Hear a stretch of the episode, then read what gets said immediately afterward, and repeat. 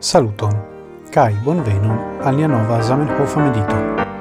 Hodio, mi volas legi con vi el tiron e la expono de la motivoi ciui instigis Zamenhof peti permesson alla censuristoi por eldoni ciu semainan folion en la lingvo internazia.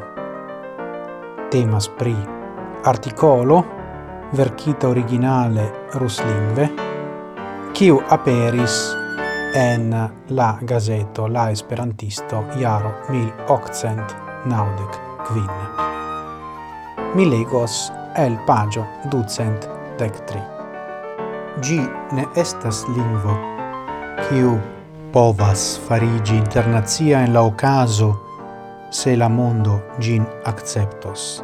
Gi estas lingvo, per kiu oni povas iam non facile intercomprenigi cun ciu pli au mal pli clera europano.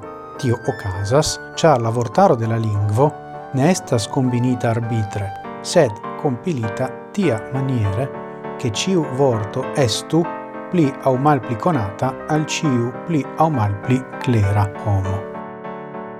Citiu el tiro montras al ni de nove la gravezon de la contexto in kiu oni donas la mesaĝon.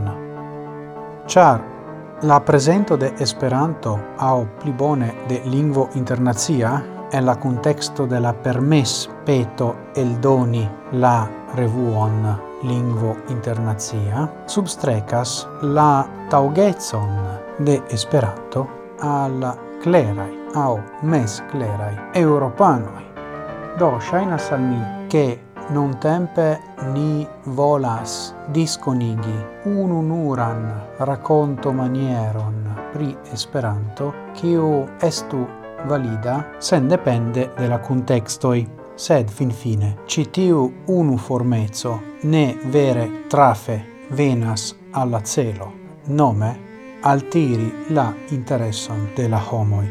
Char homoi povas havi multain diversain interessoin, cae quelcfoie la interessoi de unui ne nur ne coincidas, sed ancao povas contraustari la interesson de aliei. Do, kion fari? Bone, ni devas decidi kion ni volas. Ciain homoin ni volas altiri al Esperanto? Ciu oni lernu Esperanton sen depende de ciu alia intereso kiun ri havas, au ciu ni desiras renconti specifain spezoin de homoi, jen mia instigo cum mediti odio. Dankon pro via attento, gis morgau cae ciel ciam, antauen sen fine.